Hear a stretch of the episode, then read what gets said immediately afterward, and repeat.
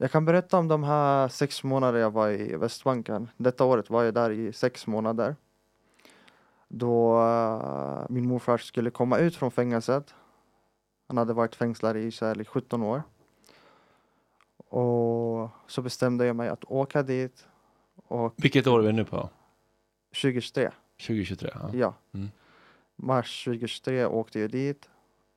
Och uh, då min morfar skulle komma ut den uh, 13 mars. Så jag åkte två veckor innan, väl på med förberedelser för att han skulle komma ut. Att sitta i ett israeliskt fängelse, det är ju uh, det är något stort för palestinier. Palestinier som sitter inne i ett israeliskt fängelse är hjältar liksom, så man firar dem när de kommer ut. Så uh, när vi kommer till den dagen han skulle komma ut, då får vi åka från Ramallah, staden Ramallah, till en annan stad som heter Hebron. Alltså Al-Khalil på arabiska.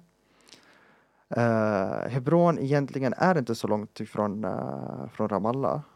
Men med tanken på uh, att vi som palestinier får inte ta samma vägar som bosättare så får vi ta massa små vägar inne i byar och så vidare så tar det så lång tid. Så det tog ungefär två, två och en halv timme att komma dit. Så vi kommer dit till en uh, israelisk checkpoint där han förvänt, det var förväntat att han skulle komma ut från uh, den här checkpointen, att de uh, släpper honom där.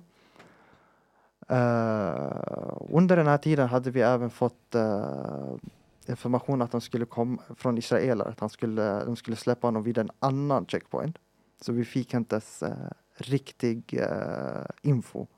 Men vi chansade om att vara vid, vid en specifik checkpoint som heter, eh, tror jag, uh, Tarkumia heter den.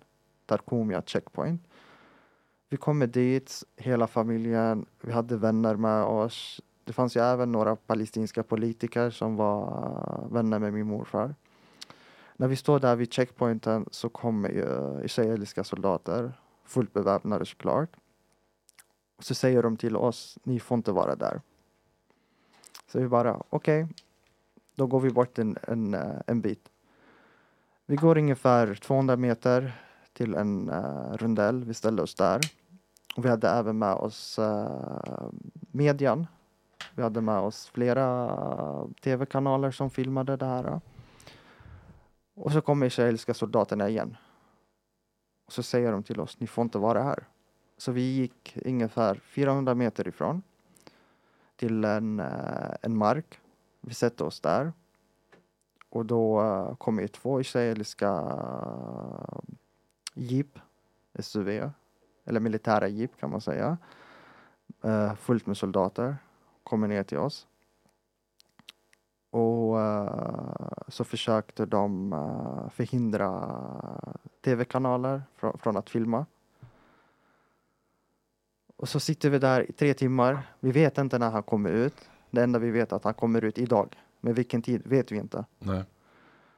I alla fall. Uh, vi får ett samtal av någon att uh, han kommer komma ut nu. Så vi går igen där vid checkpointen och de följer oss, soldaterna. Så när vi ställer oss där vid checkpointen uh, ungefär tio minuter så ser vi en uh, ambulans komma ut. Och vi hade begärt att min morfar skulle komma ut med en ambulans med tanke på att han är så gammal. När han kom ut han var världens äldsta fånge, 83 år. Mm. Så kommer först en israelisk, uh, israelisk ambulans och, och bakom det så är en palestinsk ambulans. Men den stannar inte utan den bara fortsätter köra. Så vi får ju panik. Vi vet inte vad är som händer. Vi börjar springa på gatan. Försöker följa ambulansen som bara kör. Uh, vi, lyckas, vi lyckas sätta oss i bilar och, leta, och, så, och så börjar vi leta efter ambulansen. När vi väl, kom, när vi väl hittar den och så frågar vi ju uh, den som kör ambulansen varför stannar du inte? Så tydligen hade de fått order av israeliska militären att inte stanna. För att förstöra liksom uh, vårt firande kan man säga. Men vi tänkte skitsamma, nu är han här ute. Nu ser vi min morfar äntligen efter 17 år. Så det är en av de här berättelser som, som jag har varit med om i, uh, under den här tiden jag var där. Och där ser man hur de försöker straffa en. Om det inte är fysiskt så är det psykiskt. En annan berättelse var när jag eh, skulle åka hem till Ramallah från en stad som heter Jeriko. Som är ungefär eh, 20 kilometer från, eh, från Ramallah. Så vägen skulle vara max en halvtimme. När jag skulle ut från Jeriko i bilen så hade israelerna satt en, en checkpoint där. Och så är det massa bilar, de släpper inte ut någon. Och så kunde vi inte heller vända tillbaka. Det var ju hundratals bilar. Så vi satt där först en timme, två timmar, tre timmar, fyra timmar. Sen hoppade vi av bilarna. Vi började gå mot uh, checkpointen för att se vad är det som händer. Och så eh, uh, började de uh, kasta gasgranater.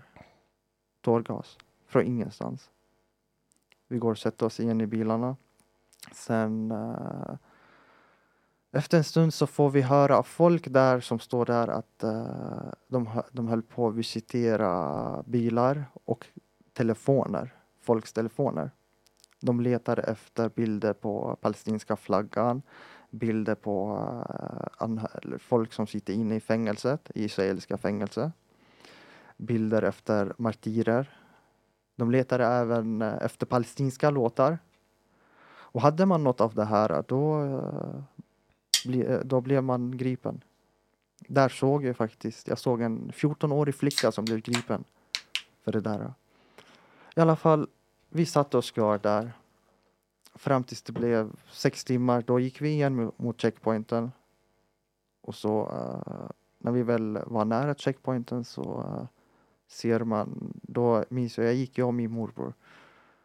Och så när jag tittar på min eh, morbror så ser jag laser på honom. Jag bara, du, du har ju laser på dig. Det är en sniper. Så tittar han på mig. Jag hade också laser på mig. Ja, det här samtalet är ungefär en och en halv timme.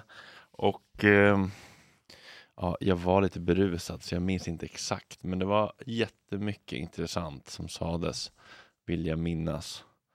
Men eh, ja, det får ni höra helt enkelt om ni blir Patreons på patreon.com Palestina under lupp.